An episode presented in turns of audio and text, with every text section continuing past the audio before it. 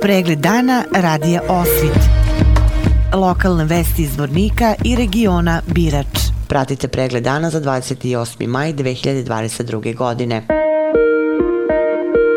Povodom obeležavanja 30 godina od formiranja specijalne jedinice Vojske Republike Srpske obratio se Duško Vukotić, prvi ratni komandant specijalne jedinice Vukovi Sadrine. Šta za njih znači ovaj jubilej i kakva su danas prava bivših pripadnika jedinice, poslušajte u izjavi. To je za nas veliki događaj prije svega što nam je ovo prilika da se vidimo sa svojim saborcima, da se ponovo prebrojimo, da vidimo i pojedinačno šta koga muči prije svega radimo, mislim da je vrijeme ponovo na, na sabornosti i žao nam je što do sad nismo to radili na, na, tako, na takvom nivou.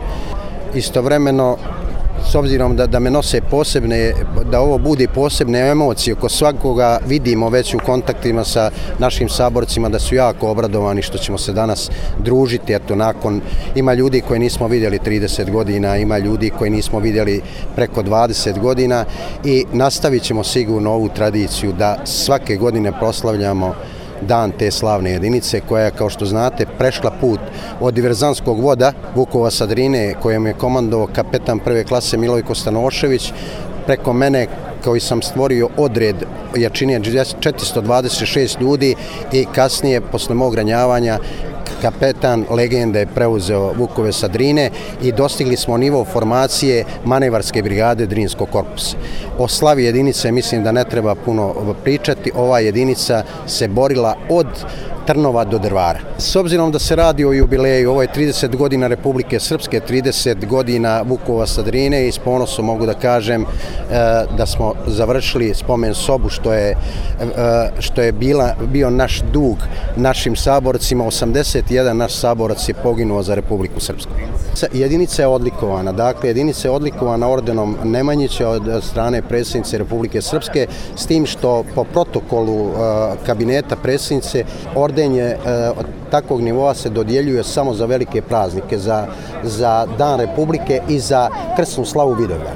Znači, ova jedinica će zvanično uručiti, predsjednica predsjednice će zvanično uručiti orden Nemanjića za Vukove Sadrije. Nažalost, vrlo loš. Nažalost, vrlo loš. E, moramo imati na umu da se ovdje radi o specijalnim jedinicama, dakle o manevarskim jedinicama koje su uvijek bile, bile prve na, na vatrenim linijama, ali ako vidimo da je naš položaj tako loš i naših saboraca, onda možemo zamisliti kakav je tek položaj drugih, drugih saboraca. Mislim, iskren da budem, e, velika je odgovornost na nama Stirešinu. Velika je odgovornost, mislim da, mislim da moramo nešto popravljati dok, dok, iako je prilično kasno, da se moramo vratiti ljudima kojima mi pripadamo. Odakle smo iznikli, koji su od nas napravili komadante, od nas stvorili komadante. Mislim da činjenica je postoji objektivna okolnost da su oficiri nakon rata mislili da će država sama po sebi svojim mehanizmima i sistemom da se oduži borcima, ali smo razočarani položajem boraca i moramo hitno raditi na njihovim popravljanju i na njihovim sistemskim rješenjima njihovih položaja i prava. Današnjem skupu u ime predsjednice Republike Srpske i polaganju venaca prisustovao je Slobodan Župljanin. Koliko su po njemu pripadnici ove specijalne jedinice dali doprinos za Republiku Srpsku, čućete u izjavi. Čas i zadovoljstvo biti ovdje na obilježavanju 30 godina od jedne od, od osnivanja jedne od najelitnijih jedinica, da kažem, koja je bila u sastavu Vojske Republike Srpske. Vukovi Sadrine su ostavili neizbrisiv trag u borbi za slobodu srpskog naroda na ovim prostorima i u borbi za stvaranje Republike Srpske. I zbog toga ne samo povodom 30 godina od osnivanja, nego i svake godine se treba sjećati, dakle, i živih, ali sasvim sigurno posebno onih koji su dali svoje živote, dijelove svoje, svoga tijela i svoju krv za ono što mi danas imamo i za ono što se danas zove Republika Srpska. E, siguran sam da će evo, kroz današnji program obilježavanja biti prilika da se podsjetimo i najvažnijih događaja i najvažnijih bitaka iz koje je vodila ova jedinica, ali sasvim sigurno i njenih najznačajnijih sinova i heroja koji su, kao što rekao, utkali živote u temelje Republike Srpske.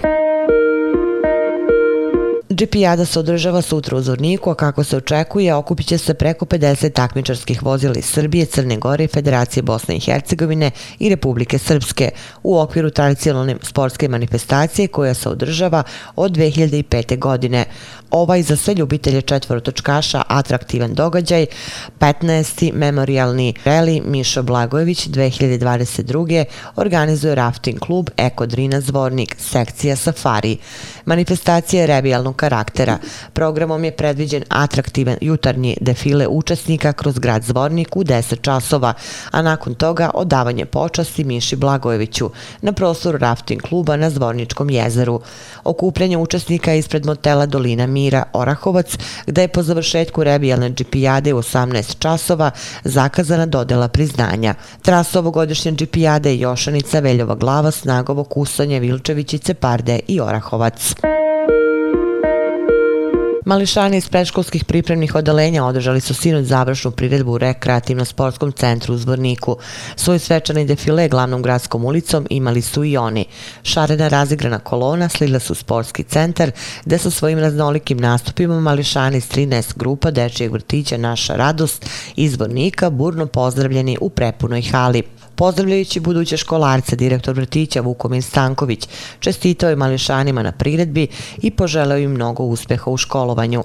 Veseli skup završnu priredbu je otvorio i pozdravio gradonačelnik Zoran Stevanović, koji je naglasio da zvornik godinama omogućava svim mališanima u gradu i seoskim sredinama predškolsko obrazovanje i najavio proširenje kapaciteta dečijeg vrtića Naša radost. U rekreativnom sportskom centru u Zvorniku je sa svojim kratkim programom nastupilo 13 pripremnih odelenja iz svih sredina i dve starije vrtićke grupe. Svaka grupa izvela je po jednu plesnu tačku koju su pripremili sa vaspitačima. Prostor hale je bio mali za sve koji su došli da pogledaju program koji su vaspitači pripremili sa decom. Raznolika koreografija plesne tačke dece koja se spremaju za polozak u školu osvojili su publiku koja ih je bodrila aplauzima. U završnoj priredbi je učestvovala 260 mališana iz 11 predškolskih pripremnih odelenja iz Čalopeka, ulica Križevića, Karakaja, Cera, Orahovca, Branjeva, Kozluka, Skočića, Tršića, Pilice i dve starije vrtićke grupe Dečijeg vrtića Naša radost iz Zvornika. Sinuć je glavnu gradsku ulicu u Zvorniku krasila mladost lepota i pamet maturanata iz dve zvorničke srednje škole. Svi zajedno laganim korakom prošetali su glavnom gradskom ulicom i na tradicionalan način defileom oprostili se od najlepših i najbezbrižnijih srednjoškolskih dana. Svečana šetnja završena je na platovu ispred kasine, gdje se obratio gradonačelnik Zvornika Zoran Stranović, čestitajući im završetak srednje škole uz želju da sve puteve koje budu birali budu oni pravi i najbolji. Na platovu su im se obratili direktori Srednjoškolskog centra Petar Kočić, Biljana Pisić i direktor Tehničkog školskog centra Karaka i Goran Grujić. Naš grad je večeras najlepši, ispunjen stotinama mladih ljudi koji polako čvrstim koracima koračaju u budućnost, rekla je Biljana Pisić, direktorica Srednjoškolskog centra Petar Kočić, obraćajući se prisutnim maturantima. Direktor Tehničkog školskog centra Karaka i Goran Grujić je rekao da je danas veliki dan i za maturante i za roditelje.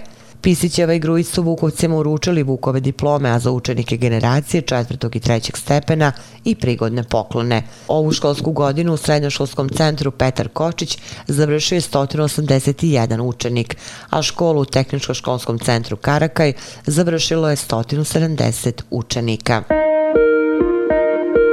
Povodom obeležavanja 21. maja Svetskog dana kulturne raznolikosti, Koalicija za pozitivan zvornik uz podušku misije OSC u Bosni i Hercegovini organizuje aktivnosti kojima će promovisati vrednosti tolerancije, međusobnog razumevanja i poštovanja.